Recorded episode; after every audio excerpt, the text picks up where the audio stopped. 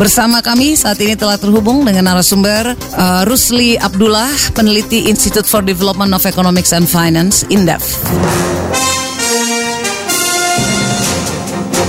Pak Rusli, kita lihat data BPS ya jumlah orang miskin bertambah 1,63 juta orang per Maret 2020 Pak. Ini sehingga perlu langkah cepat untuk mencegah memburuknya kemiskinan apalagi uh, krisis di semua sektor ini akibat pandemi Covid-19 belum ada tanda-tanda akan berhenti. Gimana Pak Rusli menurut Anda mencegah memburuknya angka kemiskinan? Oke Mbak, ini pertama kan kita kaget ya, ini kan uh, kemiskinan Maret uh, 2020 ini 9,78 persen hmm. atau 26,42 persen. Hmm. Uh, ini naik dari 9,22 persen ya September kemarin. Nah hmm. kenaikan ini Mbak itu mengambiarkan capaian selama dua tahun dari Maret 2018 ke uh, Maret 2019 sorry September Maret 2018 ke September 2019. Hmm. Jadi usaha ini mbak usaha keras uh, pemerintah dari iya uh, Maret September 2019 itu cuma ambil dalam waktu ya September sampai Maret gara-gara uh. COVID. Uh, uh, uh, uh. Itu gara-gara COVID ya nah, pertama. Uh, pasti gini mbak, ini kan satu yang kedua. Iya. Ini survei kan bulan Maret ya, uh, uh. di mana COVID kan baru mulai tuh. Yes. Ketika pemerintah declare itu bulan uh, Maret juga deh. Iya. Emergency nasional. Deklarasinya Maret tuh. Uh, ya Maret. Kasus kan? pertama nah, Maret. Hmm. Khawatirnya mbak, ini kan kasus COVID semakin meningkat terus dan uh, ekonomi juga makin uh, masih belum ini ya mm. uh, normal. Mm. September uh, dimungkinkan bisa naik lagi mbak mm. sampai ke angka uh, di atas 10 persen. Mm. Jadi kembali ke double digit. Hmm. Dulu kan mimpi pemerintah kan kemiskinan single digit ya, satu angka. Iya. Tapi gara-gara COVID ini mungkin akan ambiar gitu kan. Hmm. Menjadi uh, dua digit uh, September 2019. Nah, hmm. sekarang gini Mbak, uh, bagaimana cara minimal gini, uh, cara mengantisipasi agar uh, tidak semakin membesar kemiskinan hmm. ini kan. Yeah. Nah, pertama gini, kita harus melihat uh, orang ataupun uh, masyarakat yang apa namanya yang paling rentan terhadap kemiskinan ini. Hmm. Pertama, pasti kalau orang miskin itu sendiri mbak itu sudah ada yang namanya bansos ya ban yeah. bansos ya kalau PKH terus kartu Indonesia Pintar dan KIS ya kan uh -huh. sehingga mereka bisa mengurangi beban apa uh, hidup mereka uh -huh. mereka emang ya dulu memang, memang dalam kondisi miskin gitu kan uh -huh. PKH eh, program keluarga harapan yeah. tapi jangan lupa mbak ada uh, penduduk yang itu rentan miskin. Hmm. Jadi sekali goyang, hmm. ekonomi itu langsung jatuh mereka. Hmm. Nah mereka itu siapa? Mereka itu para pekerja informal. Hmm. Yang satu, yang kedua mengandalkan upah harian. Hmm. Yang kemudian, yang ketiga biasanya kebanyakan mereka di perkotaan. Hmm. Nah, uh, ini terlihat ya mbak ya terkait dengan perkotaan itu kenaikan itu uh, kemiskinan di perkotaan di, di sama Jakarta ya, uh dia naik 1,1 persen uh-uh. dibandingkan dengan uh, September 2019 uh, kemarin. Uh. Ini menunjukkan karena memang Jakarta kan pertama epicentrum COVID ya pertama kali itu. Nah otomatis dampaknya langsung kena tuh ke sana. Uh-uh. Kemudian di Jawa pun yang sebagian besar adalah uh, penduduk perkotaan, yeah. itu jumlahnya uh, penduduk miskin kota itu lebih ini mbak apa namanya kenaikannya lebih gede dibandingkan dengan desa. Uh. Nah ini menarik bahwa uh, biasanya uh, masyarakat yang ada di pekerja informal mm. hariannya itu banyak di perkotaan. Mm -mm. Kalau di pedesaan biasanya mereka uh, cuma nyamping asal uh, bisa usaha gitu, nanam singkong atau nanam apa ya bisa makan mbak. Mm -mm. Mm -mm. Nah uh, sekarang kita lihat uh, bagaimana uh, usaha pemerintah. Jadi gini. Mm. Oke, okay, PKH, bansos sudah mbak ya, nanti mereka udah uh, aman lah ya, yeah. orang-orang yang udah miskin. Tapi sekarang bagaimana mbak yang yang rentan ini ya, para, ya hmm. yang upah harian informal. Oh itu saya kira pemerintah harus uh, perhatian kepada mereka mbak.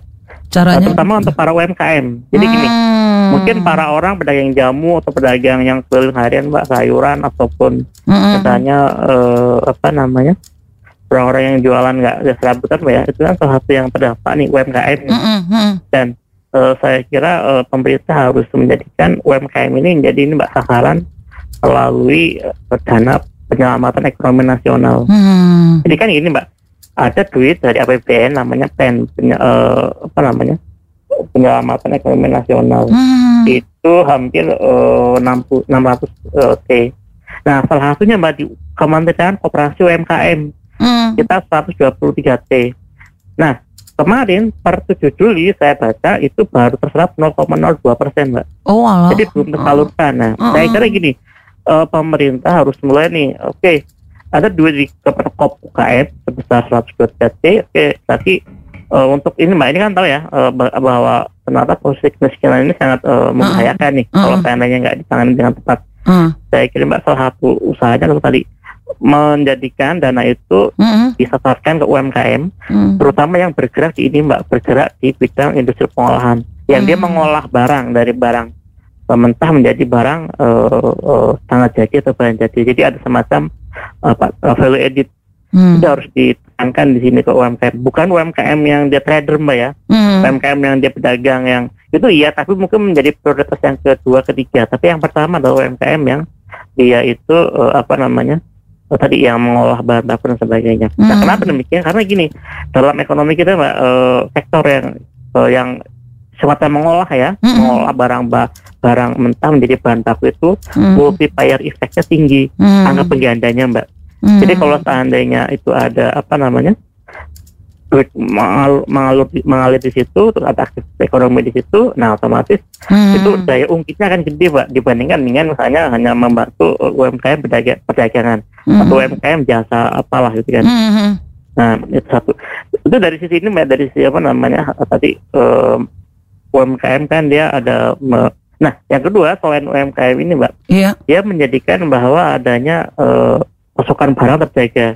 Hmm. Jadi ini mungkin selama ini UMKM itu uh, apa namanya dia memproduksi sekarang uh, mungkin masker ya masker mm -hmm. atau alat kesehatan yang uh, home, home industry mm -hmm. atau uh, industri makanan mbak mm -hmm. yang memang kita selama, uh, selama krisis ini juga uh, masih butuh makan toh mm -hmm. jadi UMKM itu adalah UMKM yang diarahkan untuk kebutuhan primer mm primer kebutuhan uh, basic karena gini selama krisis, selama uh, pandemi ini orang pasti tetap masih butuh makan, mbak. Mm -hmm. Tapi nggak butuh wisata, nggak butuh hiburan. Mm -hmm. Hiburan paling satu dua Tapi yang penting adalah basic mereka. Mm. Nah kalau UMKM UMKM yang bergerak di uh, tadi basic needs atau mungkin uh, pakaian atau mm -hmm. makanan ya, mm -hmm.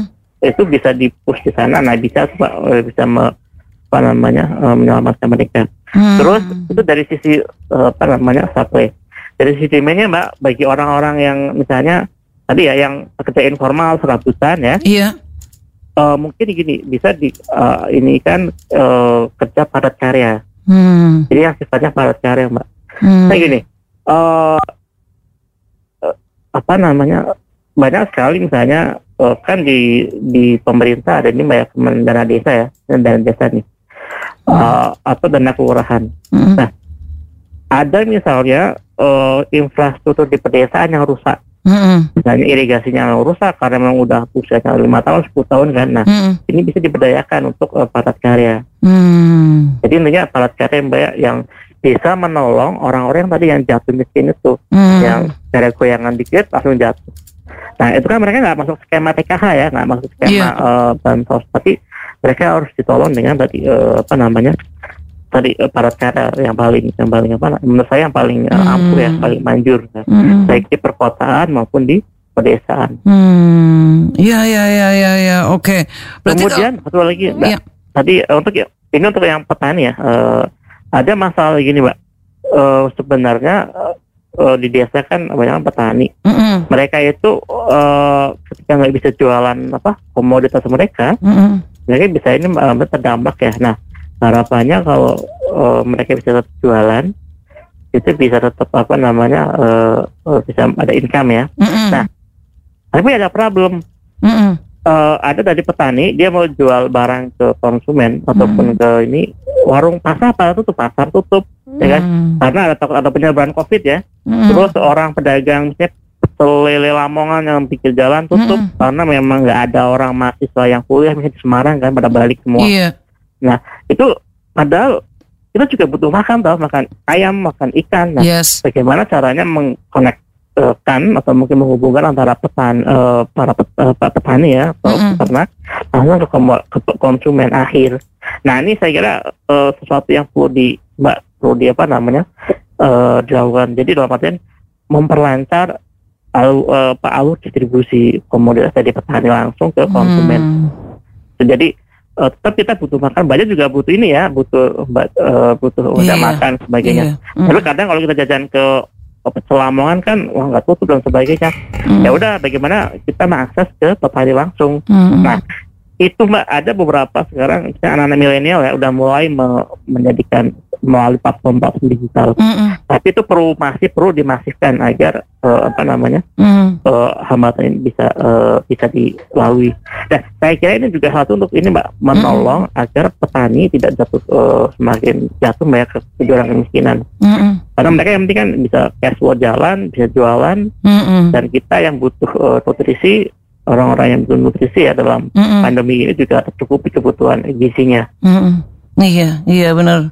Nah, uh, gimana dengan peran kelembagaan uh, Pak Rusli dalam memas dalam memastikan dana perlindungan sosial atau dana-dana itu tadi tersalur dengan cepat dan hmm. tepat tuh dari pihak pemerintah ya?